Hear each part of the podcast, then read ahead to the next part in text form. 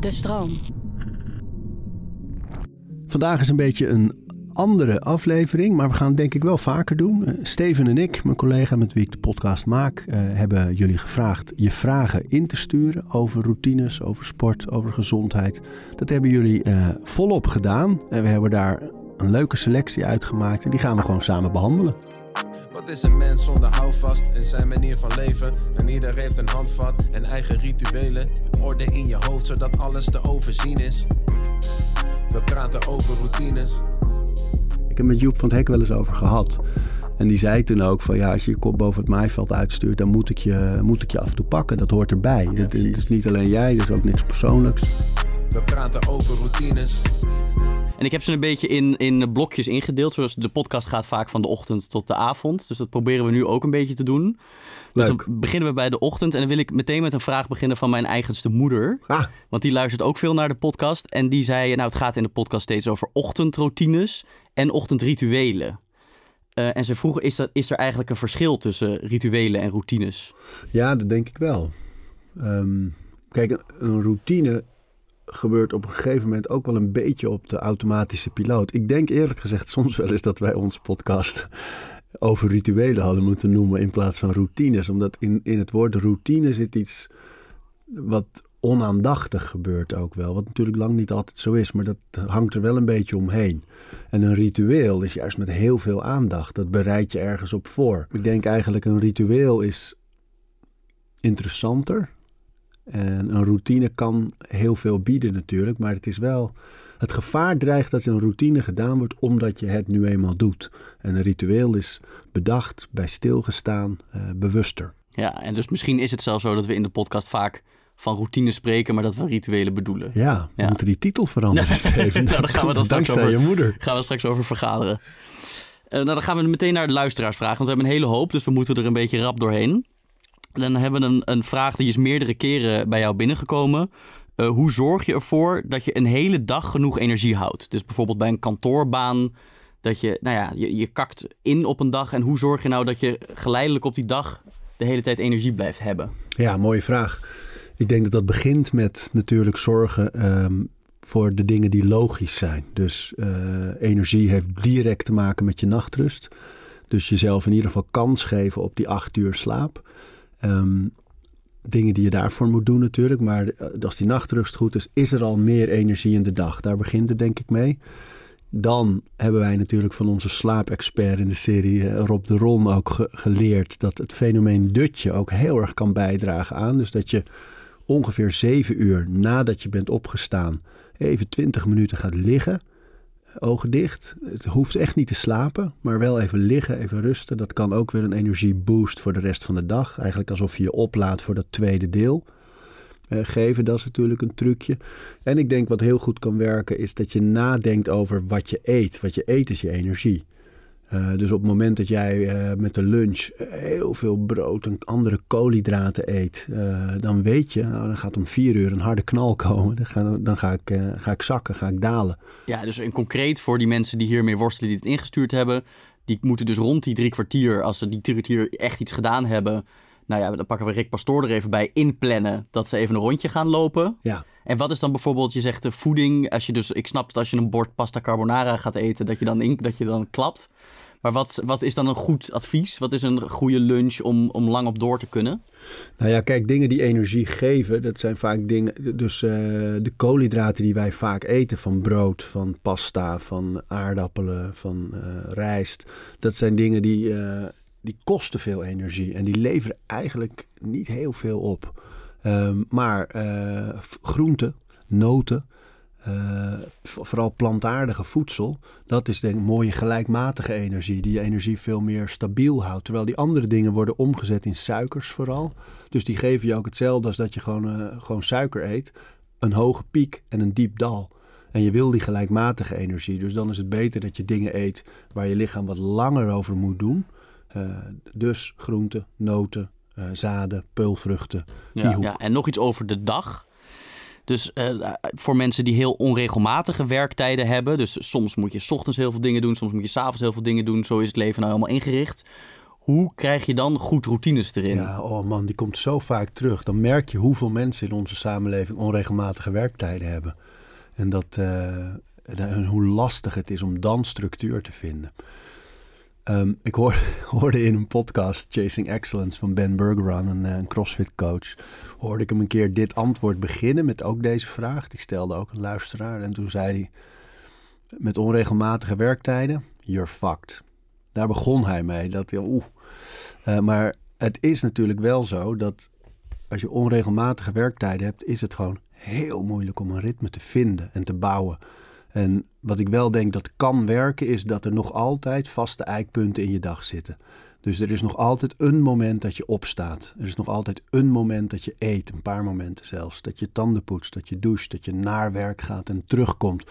Dus die eikpunten, die kun je gebruiken om omheen te bouwen. Ja. Dus dat je bijvoorbeeld zegt, altijd als ik naar huis fiets, ga ik eerst nog even sporten en dan pas naar bed. Bijvoorbeeld, hè, dat kan ook op een ander moment. Maar dat je aan vaste momenten dingen die je toch al doet, dat je daar die actie aan koppelt en de, en de structuur bouwt. Dus dat je weet, als ik mijn tanden poets, dan ga ik dat voortaan zittend tegen de muur doen, bijvoorbeeld. Of eh, altijd als ik douche, doe ik eerst 25 air squats. Of, en daar kan je wel een beetje beweging uh, vinden in die structuur en een beetje een ritme bouwen in die onregelmatigheid. Want ja, als het de ene keer s'nachts werkt en de andere keer overdag, dan is er nog steeds dat moment van opstaan en dat moment van naar bed gaan. En daar zit een oplossing, maar het is wel echt een hele moeilijke uitdaging. Het zou leuk zijn om een keer een gast te hebben die vol daarin zit.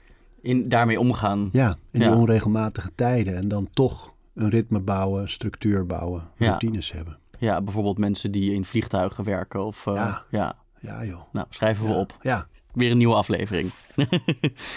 um, dan gaan we, dus dit was het blokje een beetje over de dag. Dus hoe je energie en uh, uh, dingen vol kan houden. Maar dan ga ik nu naar routines ontwikkelen, evalueren en volharden in de routines.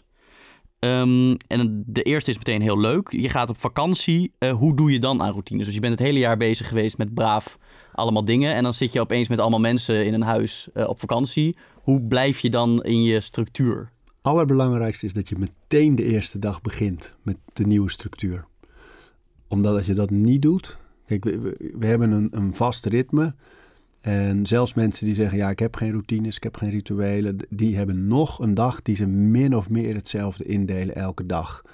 Dus de kleine handelingen van hoe poets je je tanden, eh, welke, welke schoen strik je eerst. Dat zijn allemaal handelingen die elke dag weer hetzelfde zijn.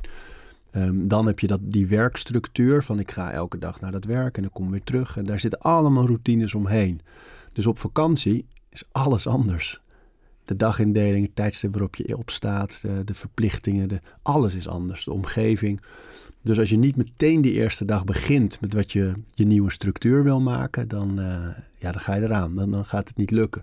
En ik denk, wat kan helpen is dat je bedenkt, als ik in mijn normale leven het belangrijk vind om uh, gezond te zijn, energie te hebben, productief te zijn en blij, Waarom zou ik dat loslaten als ik op vakantie ga? Dus als ik op vakantie ga, neem ik niet ook nog vakantie van beweging, bijvoorbeeld. Alleen je kan wel kijken van, ik ga niet naar een studio of een sportschool, uh, maar ik ga wel elke dag even een half uur lekker wandelen of klimmen of zwemmen. Um, en dat je op die manier kijkt van, je gaat niet op een roeier of een fiets zitten misschien, maar wel die andere vormen van beweging. En wat heel erg kan helpen is dat je een vast dingetje doet elke dag. Dat je bijvoorbeeld zegt, ik doe 25 air squats, 25 push-ups en 1 minuut planken. Dan ben je met, uh, nou dat is amper 5 minuten denk ik in totaal. Maar als je dat elke dag doet, dan hou je in ieder geval in stand. Ja. En ook dat kun je weer het beste aan vaste momenten uh, plakken. Wat, wat ik zelf vaak doe als ik op vakantie ben en we zijn op een plek met een zwembad. Dan weet ik gewoon elke keer dat ik het bad inga, doe ik eerst dat setje. Dus dan, uh, dan, dan doe ik eerst die, die air squats, die push-ups en die plank. En dan ga ik het bad in. En vaak heb ik dan ook nog wel, omdat ik het gewoon heel erg leuk vind om te trainen, uh, heb ik ook nog een, eh, een zwembadroutine gemaakt. Met oefeningen die je in het bad kan doen. Je kan bijvoorbeeld ook als je in het bad staat en jezelf alsof je eruit komt, dus aan die rand zo omhoog drukt. Dat is een hele goede oefening voor zowel je core als je triceps. En zo heb ik allemaal kleine oefeningetjes eigenlijk die ik altijd in het bad even doe voordat ik gewoon met de kinderen ga gooien en spelen en zwemmen en dobberen. Ja. Maar er zit in ieder geval op de dag een paar keer zo'n routinetje ja, je merkt het amper op een gegeven moment. En het is toch, het is ook lekker. En de kinderen vinden het bij ons grappig en leuk en die gaan meedoen. Maar dat kan heel erg helpen om gewoon ook daar weer je vaste momenten te zoeken. Ja, dat raakt een beetje met die onregelmatige tijden. Dus Ja. als, je, als je niet de, de, de vaste dingen van de dag hebt of de vaste dingen in je leven die je gewend bent, Ja. verzin iets anders. Het, het badtrapje. Ja, ehm, of spreek in ieder geval af. Als ik, ik spreek altijd met mijn beste vriendin af. We gaan met een hele groep op vakantie dat we willen wandelen. Dat gebeurt altijd pas op dag vijf of zo. ja zie je. Dus nu zouden wij eigenlijk moeten afspreken. We doen het op dag één meteen. Meteen. Dan is het openingsfeestje nog zo leuk geweest. Een beetje brak. Maar toch meteen dat wandelen doen. Dan zit je ook meteen lekkerder in je vakantie. Ja, want dat is het met ritme. Je moet het, je moet het bouwen door te doen natuurlijk. En eh, op het moment dat je dat uit gaat stellen en voor je uitschuiven, wat we allemaal heel veel doen, ja, dan wordt het steeds lastiger en die drempel wordt hoger. En je raakt gewend aan een ander ritme. Ja. Dus daar zit het inderdaad heel sterk. En, eh, en ik denk, je moet wel lief zijn voor jezelf. Het is ook vakantie. Ja, dus het moet nooit voelen als, oh, ik moet nog. Nee. Dus het is zaak eigenlijk om te kijken van wat zijn de activiteiten die we samen kunnen doen. Wandelen, eh, de bergen in, eh, zwemmen. Ja. Er zit heel veel activiteit al. En je bent al buiten, dus je krijgt al meer energie van de vitamine D, de zon. Dus dat is allemaal al goed. Je eet vaak lekker, je bent heel erg aan het genieten. Dus dat zijn Mhm. allemaal positieve factoren. Als je daar nog een beetje beweging eh, om in ieder geval bij te houden bij doet, ja, Ja. dan ben je er. Dan is er een vraag over mensen die zonder alcohol leven. Ehm, wat, wat zijn daar de routines, misschien om het vol te houden, maar ook wat zijn routines die fijner worden? Ja, ik, ik zag die vraag voorbij komen en dacht ook van deze persoon eh, is net aangehaakt. Ja. Want dat is natuurlijk wel wat er gebeurt. Veel mensen komen bij een aflevering in onze serie en dan gaan ze soms alles terugluisteren, maar soms ook niet. Gaan ze gewoon verder waar we begonnen zijn. En, ehm, of waar zij begonnen zijn. Ehm, want we hebben een paar afleveringen hierover gemaakt. Ja, dus die, we kunnen met, beginnen met een luistertip voor ja, deze ja de, aflevering van Erik-Jan Harmens, de schrijver, die gaat heel erg over leven zonder alcohol. Eh, de aflevering van mijn broer, Klaas Boomsma, gaat eh, heel erg over eh, leven zonder alcohol en drugs. Ehm Evi Hansen, hele mooie aflevering ook over stoppen met drinken. Dus er, er zit er best wel veel al in. En je hoort het eigenlijk vaker bij gasten terugkomen. Eh, Sander Hogedoorn vorige week. Ja, staat net online. Ja. Ehm, En waarom? Waarom, is het iets, is het, waarom denk je dat het een terugkerend thema is ook in deze podcast? Nou, laatst stond ik in de kleedkamer bij ons in de gym en toen kwam ook een jongen, eh dat was zo na die, die, die, die reeks vrije dagen met eh, eh, bevrijdingsdag en zo. En die, en die stond zo in die kleedkamer en die zei, eh, oh man, ja, had toch allemaal niet moeten doen. Drink jij wel eens, vroeg hij zo aan mij. Dus ik, ik voelde een soort schuldgevoel over diep erin gaan op die dagen. Dus ik dacht, ja, dat is ook weer niet positief. Alleen ik denk dat heel veel mensen bezig zijn met de vraag... eh, ja, wat zou er gebeuren als ik even stop? Zou ik me dan blijer voelen? Zou ik productiever zijn? Zou ik eh, minder zwaar gevoel hebben? Eh, heel veel mensen zijn daarmee bezig, dus dit, dit spiegelt heel erg. En ik denk dat toch ook wel veel eh, mensen, zo twintigers, dertigers, zich soms afvragen van... speelt alcohol met name niet een te grote rol in mijn leven? Dat ik bijvoorbeeld niet meer weet hoe ik me op een feestje moet gedragen als ik niet drink. Ja. En hoe ik dan een gesprek begin. En dat zijn dat best het wel... onderdeel is van wie je bent. Ja. Je bent iemand en je drinkt wijn, dat is nou eenmaal zo. En we vieren ermee, we rouwen ermee, Ja. we dempen ermee. Het is allemaal, het is zo diep verankerd in onze samenleving. Maar ik denk wat betreft de routines, is wat ik van de mensen, in ieder geval die wij spreken, eh, leer, is dat het heel veel oplevert. Vooral waar je van tevoren bang bent. Ik ga van alles missen. Ik ga, eh, het gaat allemaal anders worden en minder leuk, eh, minder gezellig. En zeggen zij juist, nee, nu ben je niet meer aan het verdoven. Je bent ten volste aan het leven. Je ervaart alles juist heel erg fris en, en echt. Ja. En dat vind ik heel mooi. En ze zeggen allemaal dat ze verbaasd zijn over de tijd die ze ermee terugkrijgen. Die ze winnen eigenlijk. Veel meer tijd ineens in die dagen. Ehm, dus ik, ik- ja, en het gaat vaak natuurlijk over blij, blijer voelen, gelukkiger zijn over het algemeen. Ja, wat Kan Sander steeds Hogedoorn ook in de podcast zei, dat hij heel veel dagen dat hij dan brak was of gedronken had, de avond ervoor, dat dat een dag was die een vijfje was. Ja, ja, Ehm, en dat het nu allemaal op een voldoende zat, Ja. eigenlijk over het brede uitgesmeerd. ja. En ik denk wel met dit soort dingen van, weet je, als je je dat afvraagt, eh, ik denk met alles altijd van, als je je afvraagt hoe groot de rol is die het in je leven speelt, dan moet je het eens gaan toetsen.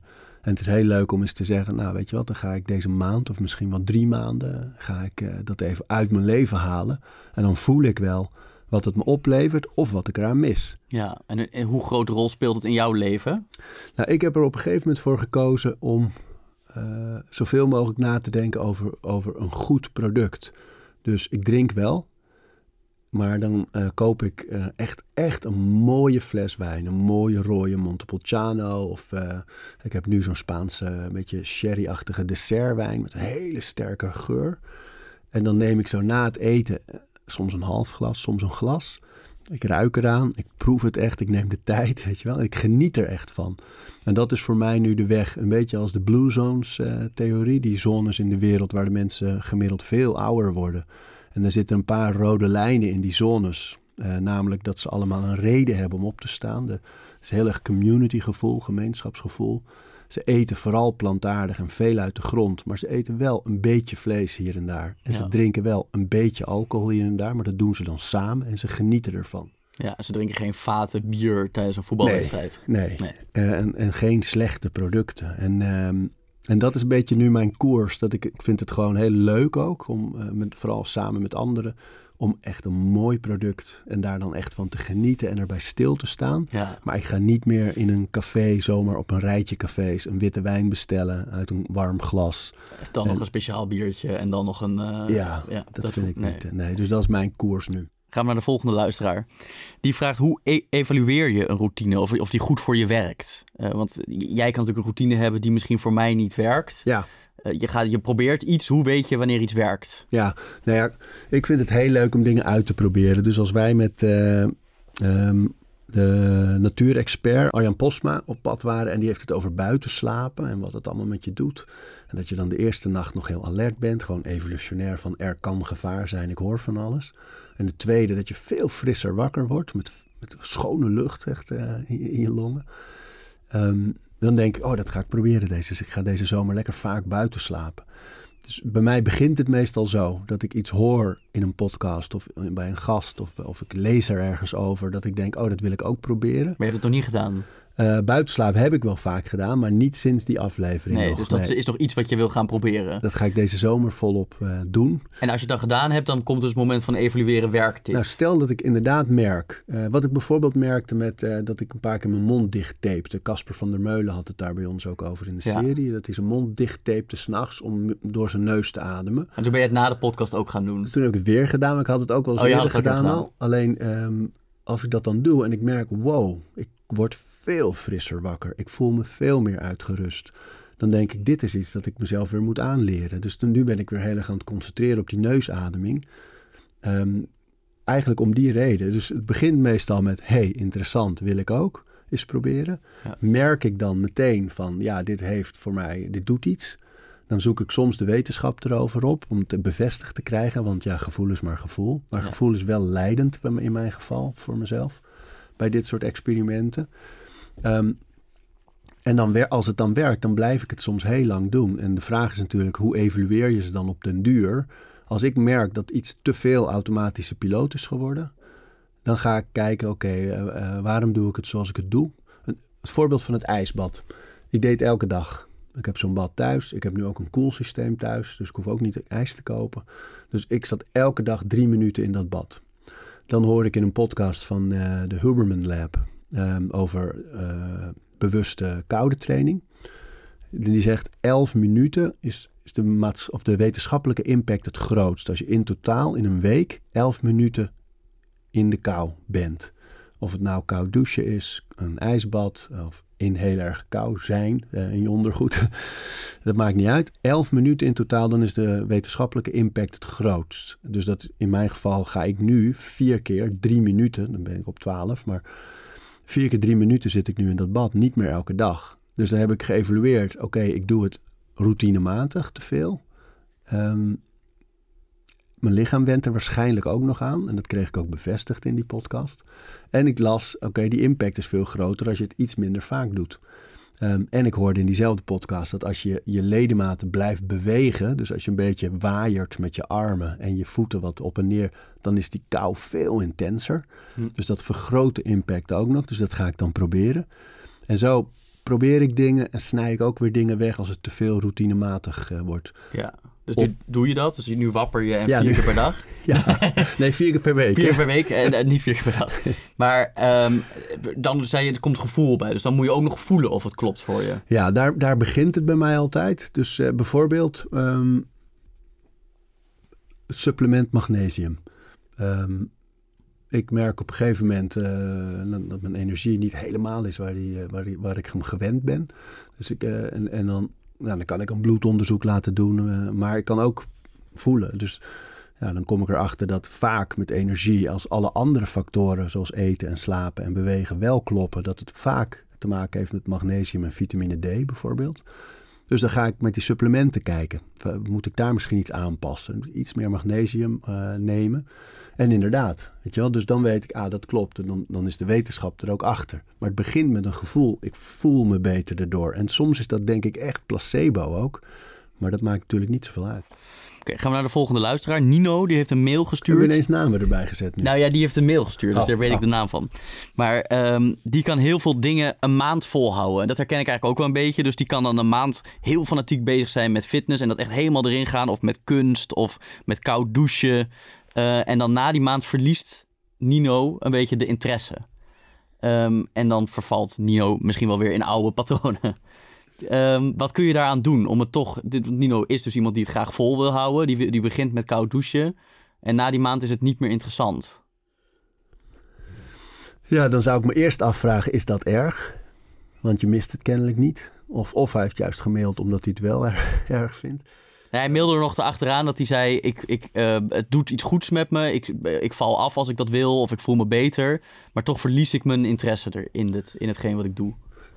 Het kan natuurlijk zijn. Kijk, veel van de dingen in ons leven staan op shuffle.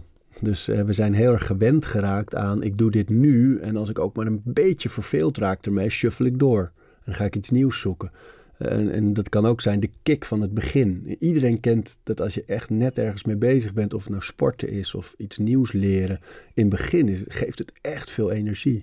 Maar er komt een moment dat je eigenlijk moet gaan leunen op meer uh, de reden dat je het doet, in plaats van die kick. En dit is voor mij ook, in deze vraag gaat volgens mij ook heel erg over uh, motivatie versus gewoontes. Dus we, denken altijd maar, ik moet gemotiveerd en geïnspireerd zijn om dit te doen. En uh, als ik dat niet ben, dan, ga, dan houdt het op. En dat moment komt. Want nou ja, meestal na een paar maanden uh, ja, ben je minder gemotiveerd. Dus dan wordt het zaak om op die gewoontes te gaan leunen. En ik denk dat dit, op het moment dat het niet een gewoonte is die je echt aan het bouwen bent en die zo vast in je dag zit en dan ook nog eens met resultaat, uh, als dat niet zo is, ja, dan ga je afhaken. En dat is natuurlijk wat heel veel gebeurt. Je hebt het doel, waarom wil je dit? En hoe formuleer ik dat? Van dat ik ook echt goed weet, dit is wat ik wil doen. Dan heb je het gedrag, de gewoontes, die bij dat doel horen. Die zijn op dat doel gericht. Dat gedrag, nou, dat zijn de dingen die je moet doen om dat doel te bereiken. En dan heb je omgeving. En dat is denk ik de belangrijkste in dit geval. Dat je die omgeving moet je aanpassen om dat gedrag in stand te houden op dat doel gericht. En die drie dingen, doel, gedrag, omgeving, die, die moet je alle drie serieus nemen om iets echt vol te houden. En als je die omgeving niet aanpast, wat heel veel gebeurt, want dan besluiten we, vanaf nu ga ik veel meer trainen. En dat lukt een paar weken en dan weer niet, want het is een nieuwe prioriteit die in een leven moet dat al vol andere prioriteiten zat. En er wordt geen ruimte voor gecreëerd. Ja, dat hou je dus alleen even zolang die motivatie er is. Ja, op de kick even En op vol. het vertellen aan anderen van hey, ik ben nu iemand die elke ochtend gaat sporten. Ja. En dan op een gegeven moment is dat niet interessant meer. Klaar. Dus al die andere prioriteiten, daar komt die aflevering van Rick Pastoor uh, heel mooi om de hoek. Omdat die, die gaat heel erg over van bijvoorbeeld met trainen, schrijf het in je agenda, want dan bestaat het. Dus dan ben je die omgeving zo aan het aanpassen dat je die nieuwe prioriteit tussen al die andere prioriteiten zet en er ook ruimte voor maakt en dan kan het gaan werken.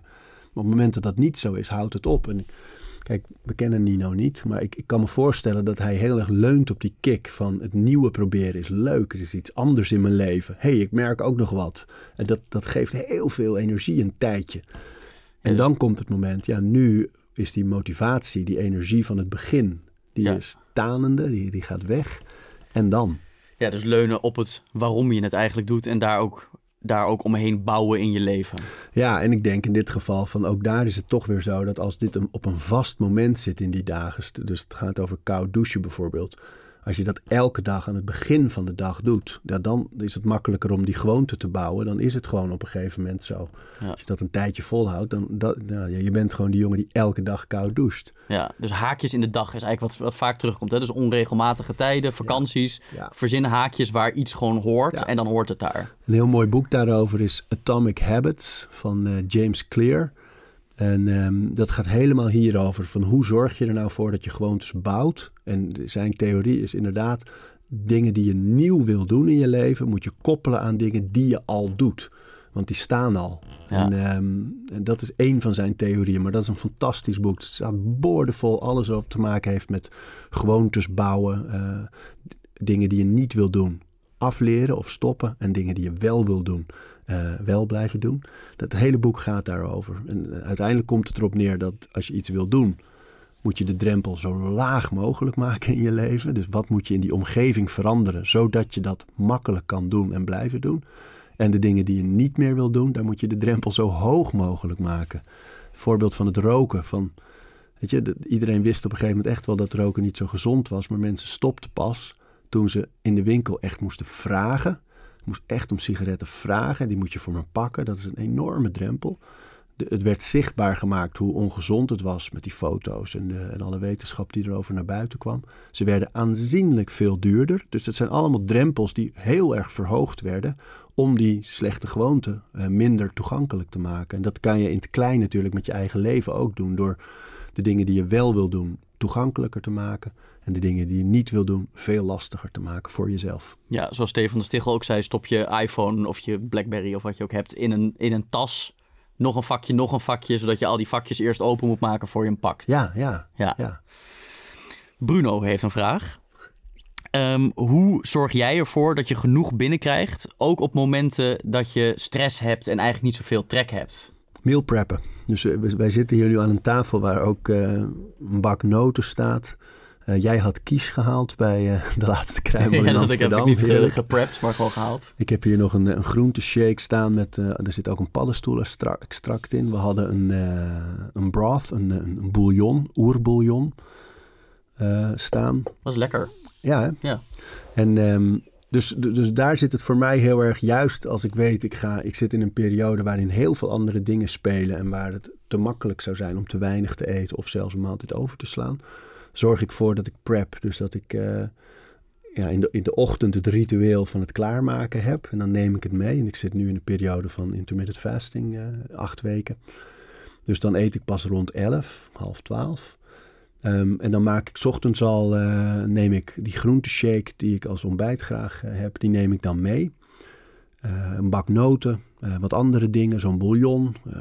Kan nog wat fruit bij zitten. Ja, dus juist op een gestreste dag, dat je weet er komt een gestrest moment aan, weet dat je om één uur couscous-salade gaat eten, Ja. no matter what. En als je hem bij je hebt al helemaal, of stel dat je op je werk een ijskastje hebt, zet je desnoods daar al twee maaltijden of drie maaltijden in van tevoren. Ja. Dat je gewoon, ja, voorbereiding geeft rust. Ja. Gaan we naar sport. Ehm, is elke dag sporten wel gezond? Dat hebben meerdere mensen gevraagd. Ja, die komt heel vaak voorbij, omdat Doe jij dat eigenlijk, elke dag sporten? ik beweeg elke dag. Dat is voor mij een heel belangrijk onderscheid, omdat ehm, mensen denken heel vaak bij sport meteen aan een sportschool. Eh, maar uiteindelijk, wat je in zo'n sportschool doet, is bewegen onder weerstand. Het zijn de bewegingen die we de hele dag maken. Dus als jij nu gaat staan en je gaat weer zitten, dan maak je een squat. Hmm. Of als ik nu op de grond ga liggen en ik ga opstaan, als ik op mijn rug lag, is het een Turkish get-up. Als ik op mijn buik lag, is het een burpee. Ehm, als ik iets wegleg boven mijn hoofd, doe ik een shoulder press. Als ik iets opraap van de grond, kan ik dat met een deadlift doen of een squat. Dus die bewegingen die we de hele dag maken, dat zijn eigenlijk de bewegingen ook in de sportschool, maar dan onder weerstand. En door die weerstand worden we sterker. Dus alleen dat is lang niet voor iedereen eh, waar dit over gaat. Dus je hebt zoveel inactiviteit. Dus wij zitten bijna acht uur per dag gemiddeld. Eh, eigenlijk zelfs iets meer. Eh, elk jaar sterven er aan de pandemie van inactiviteit. Een officiële pandemie door de World Health Organization bestempeld. Eh, meer dan 5 miljoen mensen per jaar sterven er aan inactiviteit. onze afleiding is veel groter. Er is veel meer eh, dat aan ons trekt. Van dit willen we nog, dat kunnen we nog, dit moeten we nog. Er is veel meer stress. De bodem is uitgeput, dus ons eten is minder goed. Er is veel meer bewerkt voedsel. De marketing van de voedingsindustrie is veel sterker. Dus er is veel meer eigenlijk wat ons trekt naar het ongezonde leven. Mhm. Dus dan wordt het heel erg zaak om te kijken van wat kan ik daar in mijn eigen leven aan doen om dat een beetje te weerstaan. Of Ja. daar het tegengewicht te bieden. En dan is beweging elke dag is, is een van de dingen die echt onmisbaar zijn in ons leven. Ja, dus, dus eerder veel te weinig sport of beweging, hoe je het dan...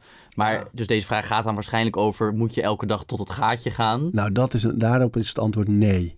Dat moet je niet doen. Dat Maar- kan niet. Dan brand je op. En ik denk, kijk, dat is ook een misvatting dat een training pas goed is als je, als je er helemaal af ligt. En- Ja. En, en het antwoord voor deze persoon zou kunnen zijn: ehm, zorg dat je een paar keer in de week bijvoorbeeld krachttraining doet, omdat het belangrijk is om je spieren te blijven ontwikkelen. En ook omdat het inactiviteit lekker compenseert. Ehm, krachttraining een paar keer in de week zou ik doen. Dan zou je op andere dagen zou je een activiteit kunnen doen die wel inspannend is, zoals klimmen, wandelen, fietsen, yoga, eh, weet je, dat soort dingen. Ehm, als stel dat je een rustdag hebt, kan je nog steeds die wandeling maken, want het is ook ontspannend en rustig. Ehm, dus zo kan je heel erg lekker afwisselen. Dus dan is je check eigenlijk op. Ik beweeg elke dag. Maar je hoeft echt niet elke dag naar een sportschool of een studio of een vereniging te gaan. Dat, dat, dat is denk ik zelfs voor de meeste mensen niet te doen. Ja, en ik hoor Deze aflevering van Overroutines wordt aangeboden door Squarespace. Een alles-in-één platform waar je je eigen website kunt bouwen en beheren. Het maakt niet uit of je producten, diensten of je passie met de wereld wil delen. Het kan allemaal bij Squarespace. Ik noem even kort drie handige functies van het platform. Met het ontwerpsysteem kan je makkelijk je website vormgeven en het helemaal eigen maken. Squarespace analyseert hoe je website presteert en wat er voor nodig is om je bedrijf online verder te laten groeien. En ook kan je abonnementen en exclusieve content aanbieden aan betalende leden. Start nu je gratis proefperiode via squarespace.com overroutines. En ben je klaar om je website echt te lanceren? Gebruik dan de code overroutines. Dan krijg je 10% korting op je eerste aankoop van een website of domein. jouw antwoord een beetje, ja, je kunt te veel sporten, maar het probleem ligt meer bij te weinig sporten in deze tijd. Ja, kijk, het is wel zo. Dat wil ik niet zeggen over deze persoon en deze vraag. Maar ik, het is wel vaak dat we, we, we werpen natuurlijk het liefst onze eigen obstakels op. Dus Ja, als, als ik mezelf kan wijsmaken, nee, maar elke dag sport is niet goed voor. Dus, dus ik ga maar twee keer in de week, bijvoorbeeld. Ja, dat- je moet je afvragen, waarom denk je dat dit zo is? ja dat En, is je iPhone in je tas doen, maar omgekeerd. Ja, Met iets wat je eigenlijk zou moeten pakken, stop je in de tas. nou ja, en het is ook nog eens zo dat je, je slaapt over het algemeen veel beter als je dag heel actief was. Ja. Dus ja, er er zijn veel redenen om in ieder geval wel elke dag te bewegen. Ja, en nog een sportvraag. Ehm, als je drie oefeningen zou moeten kiezen voor het verbeteren van spierkracht, welke drie zouden dat dan zijn? Oh ja, deze zag ik er ook bij. Ja. De deadlift, de squat en een- press. Ehm, dat zijn eigenlijk de drie klassieke powerlift eh, Klinkt voor mij ook als de Ik zit er minder diep in dan dat jij zit, maar het Het klinkt als zijn de heel klassiek. Want, ehm, ehm, je hebt ook een heel mooi programma, Strong Lift heet dat. Dat is rond deze grote klassiekers gebouwd. Maar deze drie, omdat je dan met een... Dat zijn bijna ook wel een beetje totaaloefeningen. Dus zowel met de deadlift als de squat... dan ligt de focus wel op een groep. Bij de squat natuurlijk vooral de benen en de billen. Ehm, en bij de deadlift de billen, de onderrug, de hamstrings. Ehm, maar het zijn eigenlijk totaaloefeningen waarbij het hele lichaam geactiveerd wordt. En bij deze drie, want de press is dan nog bijvoorbeeld een bench press of een shoulder press, waarbij je een drukbeweging maakt. Die andere zijn eh, trekbewegingen en duwbewegingen. Ehm, bij, die, eh, bij die deadlift is het zo dat je, je werkt en aan de grip, je, en je werkt je hele lichaam, omdat je je core heel erg moet aanspannen. Dat is bij de squat zo, dat is bij de press zo. Dus als mensen vragen wat is de beste buikspieroefening, zeg ik ook het liefst van nou deze oefeningen doen. De klassiekers, dan werk je aan die core ook keihard. Maar het is, dit is de basis. Ja, juist zo goed omdat je meerdere spier, dat je niet heel erg focust op één zo'n spiertje, maar op alles. Ja, nou ja, dat en, eh, en dat dit zijn de klassiekers waar de rest omheen is gebouwd. Dus je hebt heel veel squat variaties, je hebt deadlift variaties, je hebt eh, press variaties. Maar deze drie klassiekers, daar kan je alles omheen bouwen. En als je deze drie pakt, dan word je over je hele lichaam eh, sterker. Ja, dus ook voor beginners, als je hier echt mee begint goed te worden, kun je daarna hele ingewikkelde dingen gaan doen. Ja, Maar dit is de basis waar, waar het fijn is om goed in te en zijn. ga ook echt pas omhoog in gewicht als je die techniek goed hebt. Dus je, als je een nette squat kan doen en een keurige deadlift en een goede press. Ja. En dan pas in gewicht omhoog. Dus laat je nooit verleiden door gewicht, maar techniek eerst. Ja, en opnaaien door mensen die eh, meer tillen. Ja, dat is sowieso dom. Ja. Oké, oké, doen Maar we wel niet. moeilijk. In sport word je, je wordt zo geconfronteerd met het leven van derden. Op de socials, in de gym, eh, waar je ook bent. Dus het is eh, denk ik ook een mooie uitdaging om echt eigen koers te varen. En alleen op je eigen ontwikkeling te letten. En hoogstens te leren van wat anderen doen, maar je niet te vergelijken. Want eh, we kijken bij, bij ons in de gym lopen een paar meiden bijvoorbeeld. Ja, die squatten eh 160, 170 kilo, weet je wel. En die, die kunnen ongelofelijke dingen. Maar die trainen vier tot zes uur per dag, omdat het topsporters zijn. Ja, Dus als je als jongen daar binnenkomt en jij kan 130 squatten en je denkt, hè, die meiden zijn sterker dan ik. Ja, hè, hè. Ja logisch. Zes uur per dag. En dan zie je dat dan als motivatie, maar ga niet eh, proberen nog meer te pakken waar je, waar je geen recht op hebt, omdat je dat gewoon niet hard genoeg voor gewerkt hebt nog. Ego overboord. Ja, ja. Oké, goede tip. Ehm, mijn oma heeft nooit gesport en ze werd 93. Dus je kan toch gezond zijn zonder sporten. Ja, die eh zit daar maar eens op terug. allerlei variaties ook eh, heel erg bij. Ik heb ook een tante nu, die is 99, die wordt deze zomer 100. En diverse mensen 90 in de familie gehad. Kijk, dat is zo. Die hebben ook nooit gesport. Alleen wat, je, wat we soms vergeten is dat die inactiviteit, waar we het net ook over hadden, die is in onze tijd zo toegenomen. Dat nu zitten we dus die ruim acht uur per dag. We hoeven niet meer te staan voor ons werk. Eh, we fietsen veel minder. En als we fietsen is het vaak elektrisch. Eh, we lopen veel minder. Eh, we hebben al die stress, die afleiding. De luchtkwaliteit is minder goed geworden in de afgelopen jaren. Eh, de voeding uit de grond is veel minder goed geworden. We hebben veel meer bewerkt voedsel. Dus die generatie die had het natuurlijk wel even zwaar, zo in die eerste jaren na de oorlog. Toen was ook alles niet optimaal, uiteraard. Nee, precies. Er werd er gewoon meer bewogen omdat er een land opgebouwd moest worden. En, Ja. en omdat de wereld anders in elkaar stak. En er was, waren ook echt wel vormen van stress. Maar bijvoorbeeld, over het algemeen was het ook zo. Je werkte wel vijf dagen. En in het weekend was je... Niemand was na werk bereikbaar, bijvoorbeeld. Er werd- Je moest er niet aan denken dat iemand je belde zomaar s'avonds voor je werk. Dat zou heel gek zijn. Dus er was en veel meer rust in de week. Met, met zondagsrust en zo. Eh, er zat veel meer ritme in die werkweken. Er was veel minder stress, minder afleiding. Eh, de luchtkwaliteit was beter op den duur. Hè? Het Mhm. grootste deel van het leven van een jaar eh, iemand in de negentig. Ehm, dus dat is één heel groot verschil met onze tijd. Dus ja, die generatie, hoe, er was minder noodzaak om zoveel te bewegen als wij. Wij moeten in ons leven nu echt gaan kijken van hoe kunnen we compenseren wat er met ons gebeurt. Ja. Dus als je zoveel zit en zoveel afleiding en stress hebt en, of eh, prestatiedruk. En als je zoveel slecht eten en zoveel verleiding om je heen hebt, ja, dan moet je gaan compenseren. Dus Ja. ik denk dat je in onze tijd niet meer kan zonder extra aandacht voor voeding, slaap en beweging. Ja. En ehm, ik heb ook wel eens een longarts horen zeggen, die dan op dit argument van, ehm, me- me- ja, mijn oom die rookte tot zijn honderdste en die is honderd geworden, die zei, dat vond ik wel mooi, je moet het zien als een bowling ding, dus er staan allemaal kegeltjes in zo'n driehoekje, er gaat een bowlingbal dwars doorheen, dus al die bowlingdingen zijn rokende mensen, die bal gaat er dwars doorheen, dat zijn toch de mensen die vroeger doodgaan omdat ze gerookt hebben, en die paar die er aan de zijkant blijven staan, daar blijf je je dan aan vastgrijpen. Is misschien een Oh, dat beetje vind ik cru. heel mooi. Ja, maar de cru mag, denk ik. Het is ook zo, dat lijkt daar ook wel op, dat wij leven nu misschien wel langer dan ooit tevoren, maar we zijn vooral langer ziek. En ik denk, dat vind ik, vond ik zelf een heel confronterend inzicht. Dat mensen roepen dan, ja, nou dan leef ik liever wat ongezond nu en eh, dan ga ik maar een paar jaar eerder dood. Maar, maar je, je gaat niet alleen maar een paar jaar eerder dood, je bent veel langer ziek. Wij- Ja, wij en gewoon- ellendige laatste jaren. ja, als je kijkt hoeveel overgewicht en andere eh, ja, vormen van welvaartsziekte eigenlijk er in ons leven zijn. Joh. Dat is ongekend en al heel snel. Dat is echt al voor de meeste mensen al zo als ze rond de 50 zijn, eh, ontwikkelen ze allerlei kwaaltjes en, eh, en tekortkomingen. Ja, Ja. Nou, een waarschuwing.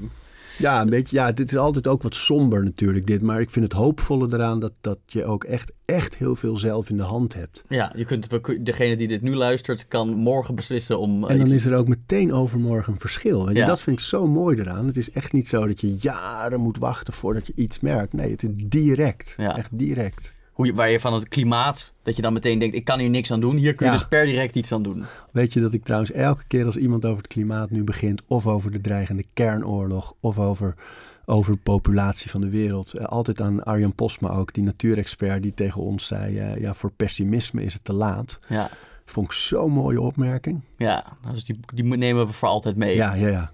Tatoeëren we nog eens op een dag. Ja. Nou, misschien strakjes. Eh, dan gaan we een, een, een eh, vraag die een bruggetje is.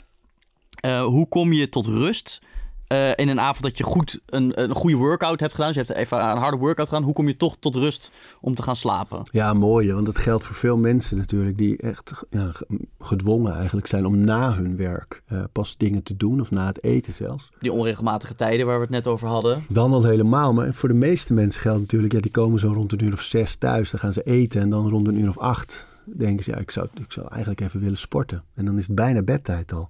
Dus die gaan vaak met veel adrenaline en een hoge hartslag eh, gaan ze in bed liggen. Ja, en dan is slaap eh, ver te zoeken.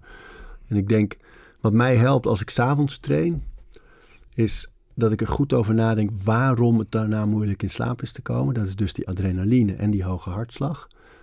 Ehm, dus die twee moet je naar beneden zien te krijgen. En met hoge hartslag is het zo dat als je ademhalingsoefeningen doet waarbij je uitadem langer is dan je inadem, dan zakt je hartslag. Dus dat is sowieso voor slaap een hele fijne altijd om te doen. Maar, maar zeker als je, na, als je getraind hebt, is om echt vijf, misschien wel tien minuten lang ehm, met je stopwatch erbij. eh, eerst, eerst gewoon lekker ademen als je inademt en gewoon uitademt zonder dat je iets telt. Dan merk je al, oké, die zijn ongeveer hetzelfde. En dat is bij de meeste mensen zo rond de vier seconden. Vier in, vier uit. En dan ga je die uit ga je verlengen. Dus die vier in, dat blijft hetzelfde. Maar dan ga je uit naar vijf, zes, misschien wel zeven. En na een tijdje kan je naar acht of negen. En eh, dan merk je dat je hartslag al gaat zakken. Dat is één ding. En, en meestal, omdat je hartslag zakt en je wordt kalmer van die ademhaling, gaat die adrenaline ook wel, eh, ook wel naar beneden. Ehm, want da- dat is wel een stuk moeilijker. Want dat gaat natuurlijk rond in dat bloed door het lichaam. Dus mijn theorie is eigenlijk, wat ik zelf altijd probeer, met dat soort ademhalingsoefeningen ehm, en geen nieuwe prikkels. Dus niet dan nog iets doen waarbij je ook nog weer alert moet zijn of wil zijn. Ehm, dus echt ophouden met de dag, afronden, ademhalingsoefening, eh, rustig in bed gaan liggen, dingen opnoemen waar je dankbaar voor bent en dan eh, hopelijk slapen. Dan hebben we een student die heeft een vraag gesteld. Want die, die wil ehm, ook beter slapen en Oh, op ja, vaste tijden. Maar die heeft wel in dat studentenleven veel feestjes. Ja. Waar zij of hij nog geen afscheid van wil nemen. Hoe kun je daarmee omgaan? Ja, dat is de dans der prioriteiten. Kijk, het is heel hard gesteld. You can't have your cake and eat it, eat it too. Ehm, het kan gewoon niet allebei. Daar, daar komt het op neer. Dus dat is je beginpunt. Dat je dat inziet van oké, het is of-of. Je kan niet en lekker die volop die feesten in en dan ook nog dat, dat vaste ritme. Dat is gewoon niet haalbaar. Dus het kan al rust geven om dat te accepteren. En dat je in je studententijd dus daar misschien een beetje rekening mee houdt. Eigenlijk een heel simpel antwoord. De, de- vrede hebben als je die feestjes belangrijk hebt om er vrede mee te hebben. Ja, en, en, maar dan, kijk, stel dat je sport om een bepaalde reden en je, of je wil een bepaalde prestatie leveren, da- dan moet je dus kiezen om dat andere aan te passen. Als, je- als je het heel belangrijk vindt, bijvoorbeeld sociaal, om wel bij die feestjes aanwezig te zijn, dan, ja, dan zou je ervoor kunnen kiezen om vroeg naar huis te gaan. Of om eh, het tu- trucje toe te passen om alleen de eerste ronde mee te drinken en daarna over te gaan op water en dan vroeg naar huis. Ehm, maar als je het gevoel hebt, nee, ja, maar dan ervaar ik mijn studententijd niet zoals ik wil, dan moet je je erbij neerleggen dat je je training anders zal zijn. En dat het ritme en de structuur die je wil bouwen daar eh anders om zal zijn. Dus dan kan je nog steeds, je zou elke dag kunnen trainen, ehm, je, zou, je kan nog steeds goed eten, je kan nog steeds allerlei andere routines en rituelen in je leven brengen. Maar dan is wel dat gegeven van die jetlag die je jezelf elke week weer aandoet met, met die onregelmatige tijden.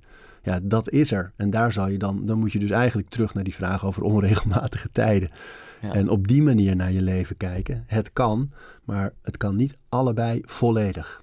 Want hoe ging dat in jouw leven? Want jij bent niet altijd iemand geweest die op een boerderij woonde en één Nee. glas eh dessertwijn dronk. Dus toen, Ja. jij, toen jij wel nog meer in het, in het uitgaansleven bewoog, en je vertelde ook wel eens dat je MDMA, dus het is allemaal Ja, je ja, niet vreemd. Was je toen, want je bent nu heel gestructureerd en je hebt het heel goed, die routines in de, in de klauw.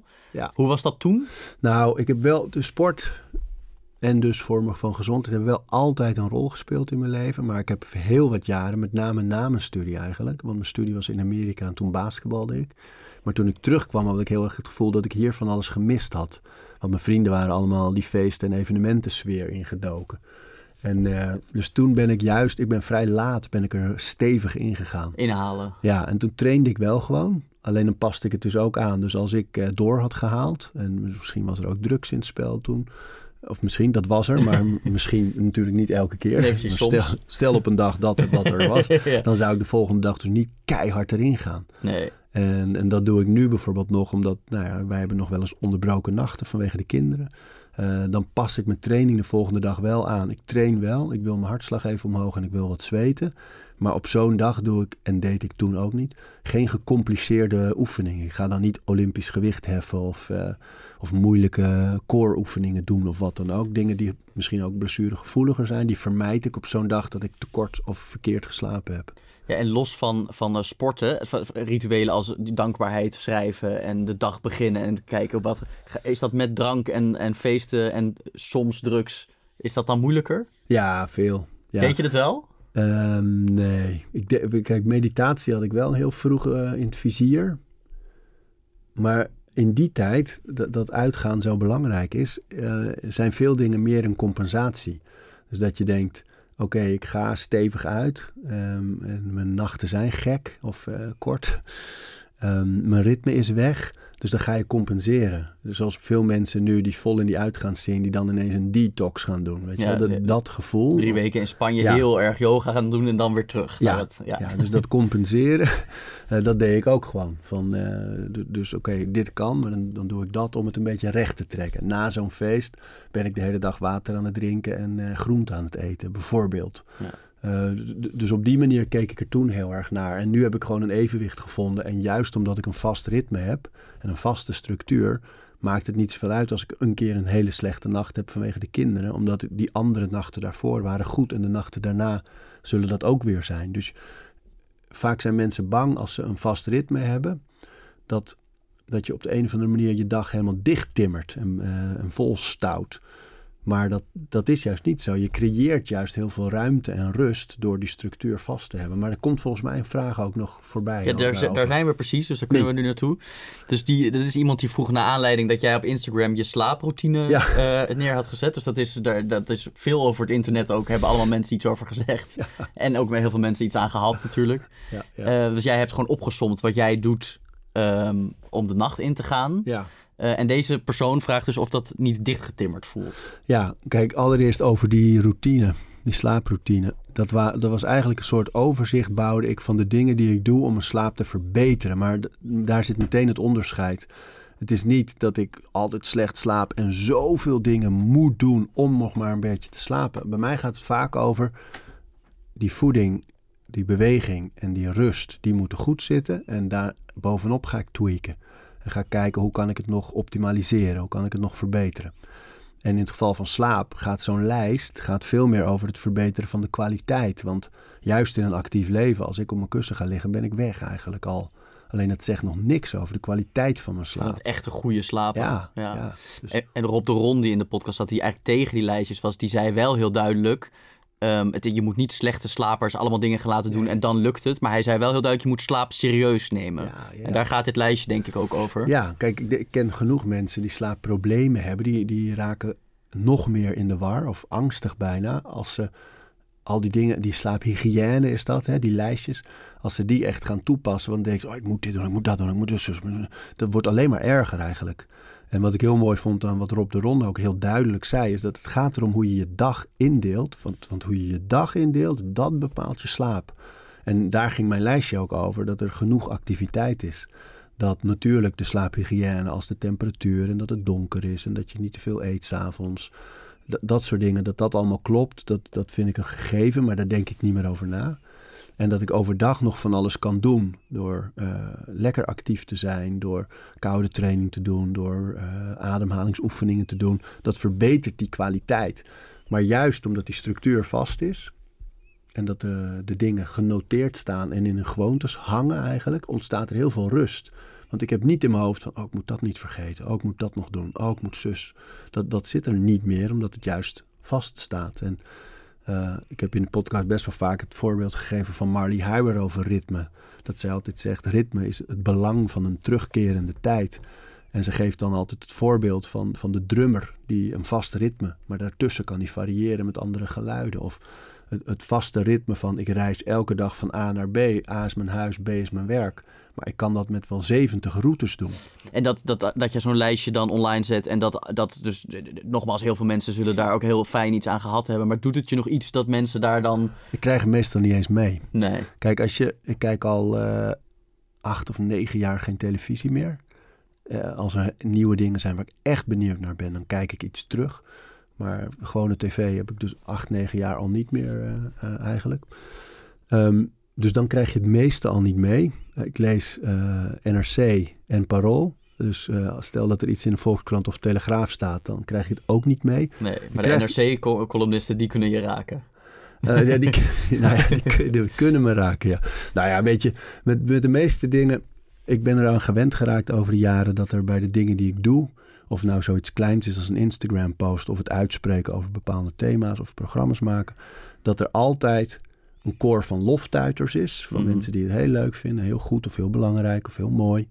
En ook altijd een koor van mensen die het stom vinden. Dat, die zijn er altijd allebei.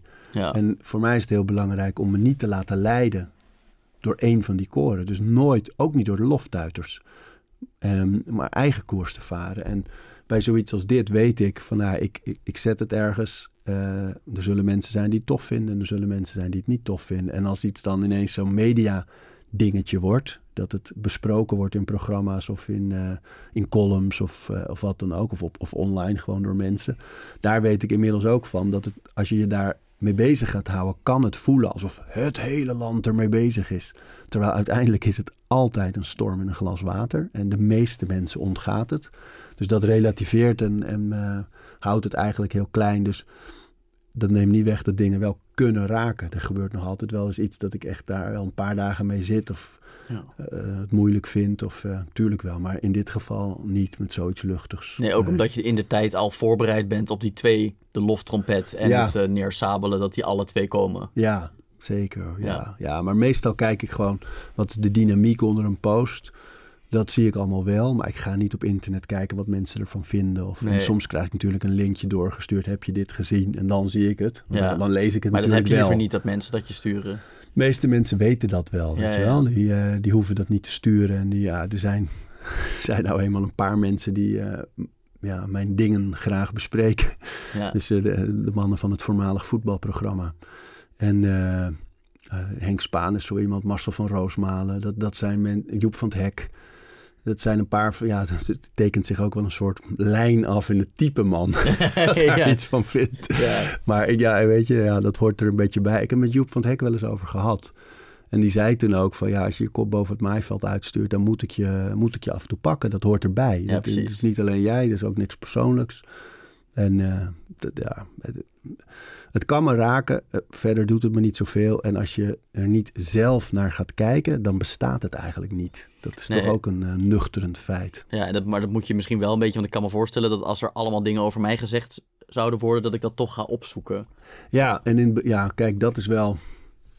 ehm, dat is wel over de jaren. Is dat, dat deed ik natuurlijk ook heel lang. Ja, Dat je jezelf gaat googlen en wat wordt er dan allemaal gezegd en gevonden.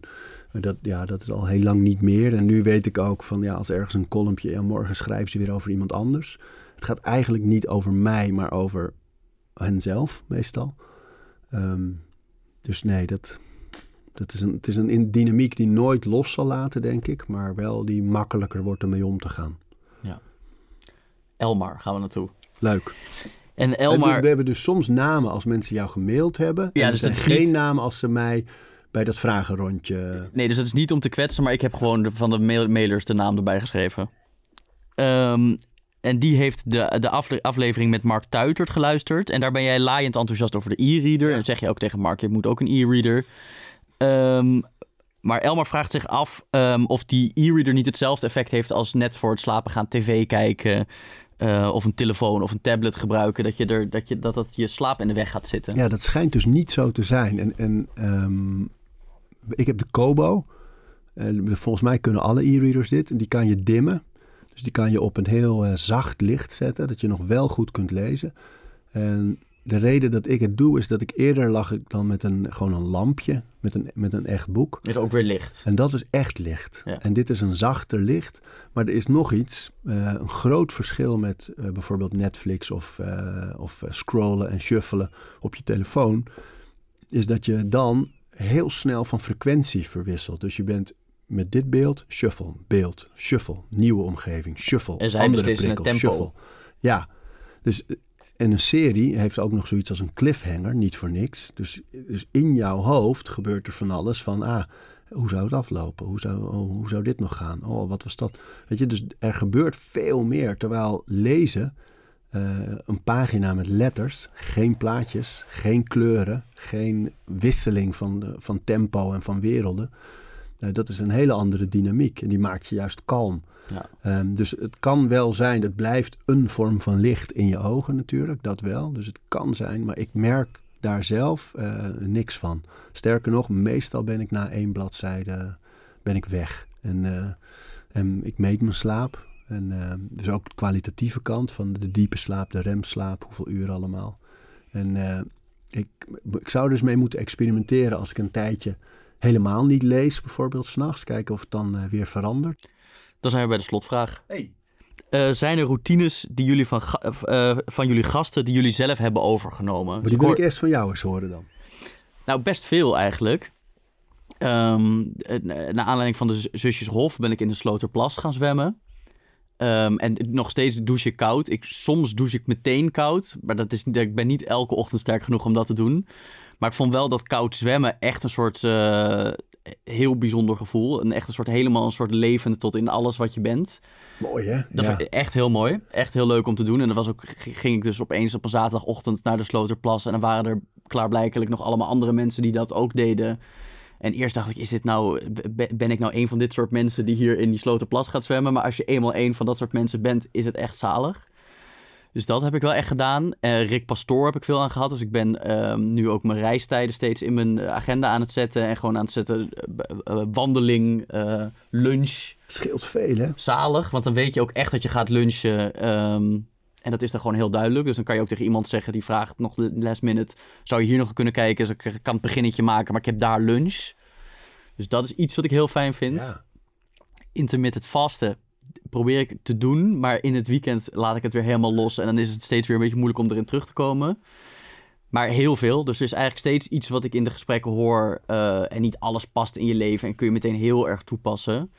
Maar dat zwemmen en dat plannen en het intermittent vasten zijn dingen die ik wel in mijn leven heb.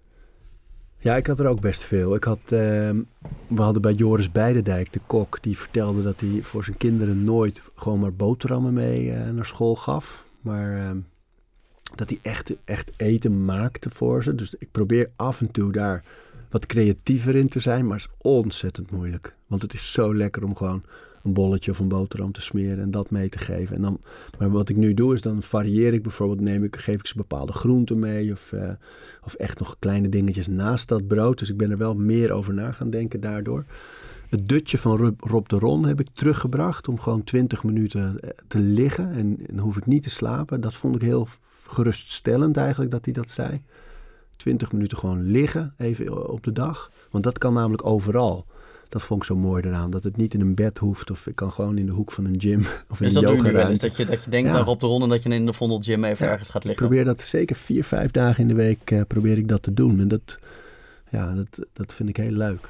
Ehm, maar dat dutje doe ik dus wel. Ik heb die cacao-drank van Casper van der Meulen geprobeerd uh, een tijdje. Kijk, in plaats van koffie in de ochtend om uh, die cacao-drank uh, te doen. Lekker was het ook. Heerlijk, maar wel erg veel handelingen, veel rituelen voordat je... Ja, want we hadden een beetje haast, weet ik nog toen. Ja, ja, en toen werd de cacao-drank nog voor de aflevering. toen zat ik wel te kijken, wat moet hier nog allemaal heen?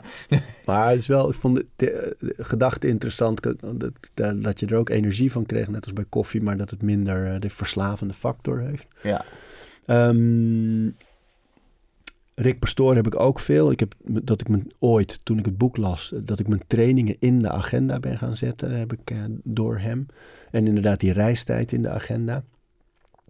Het, uh, weet je nog dat Badr Hari vertelde dat hij zijn moeder elke dag belt? Uh, dat was bij mij ook een soort wake-up call van ja, mijn ouders, maar jullie moeten vaker vaker bellen. Dus ik heb nu vaste momenten ook in mijn agenda dat ik mijn ouders even bel. Ja, en dat zei Rick Pastoor ook weer. Ja. Ik zet het in mijn agenda, mijn Organiseren. moeder bellen. Ja, ja, hè? ja. ja. Want ik vind het belangrijker dat ik het doe, dan dat het misschien niet romantisch is om het in je agenda te zetten. Ja. Ja, vond ik ook heel mooi. Dat vond ik echt een goeie. Die negen minuten scan van uh, Evie Hansen. Dus dat je in bed, in plaats van te snoezen, dat je die snoes minuten, die negen minuten, eigenlijk gebruikt om je lichaam even te scannen. Hoe voel ik me vandaag?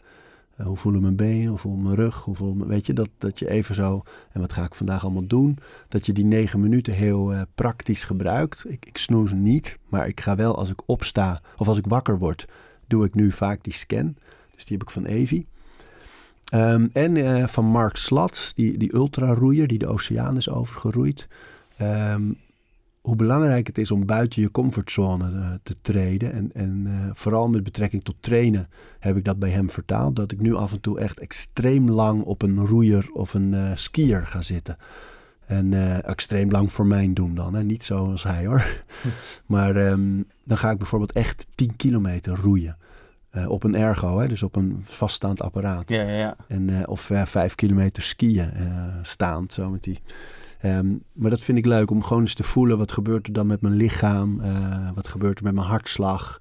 Uh, wat doe ik op het moment dat ik denk, het is lang, het wordt saai. Of uh, wat gebeurt er in mijn hoofd allemaal? Hele leuke exercitie is dat. Die heb ik van Mark Slat. En dat is het soort sport dat je niet elke dag moet doen. Ja. Maar wat wel dus ook heerlijk is om het eens te testen. Hoe, ja, hoe ver ja, je kan. Ja. Maar zo heb ik eigenlijk echt, echt uit heel veel afleveringen dingen meegenomen. En ik denk dat het best wel leuk is om dit vaker te doen, nu we dit zouden doen. Ik vind het heel leuk en het uh, toch ook weer heel leerzaam. Ja. Toch weer heel veel... Ja. Uh... Maar ook leuk dat mensen hun, hun, eigen vragen kunnen stellen. Dus laat, ik denk dat we gewoon een soort vast één keer in de zoveel tijd zo'n aflevering moeten maken. Lijkt mij heel leuk. Ja, hè? Laten we dat doen. Doen we. Bedankt. En we kunnen ook concluderen dat wij een beetje andere mensen zijn geworden. Ja, ja dus we leren er zelf van. Ja, nou dat is toch ja. op zoveel manieren goed. Ja, leuk. leuk. Dankjewel, Arie. Jij ook. We praten over routines. Dankjewel voor het luisteren. En voordat je weer doorgaat naar andere dingen, wil ik je nog even wijzen op Over Inspiratie. Dat is het mailtje dat ik elke donderdag rondstuur met drie tips. Dingen waar ik zelf veel aan gehad heb. Kunnen producten zijn, artikelen die ik gevonden heb online, onderzoeken. Uh, Instagram-accounts, podcasts, boeken, van alles eigenlijk. En ik denk dat je daar zelf ook veel aan kunt hebben. Dus vind je het leuk om dat mailtje elke week te ontvangen? Dan kun je je opgeven op ariboomsma.nl onderaan de pagina. Dan krijg je voortaan elke donderdag in je mailbox over inspiratie.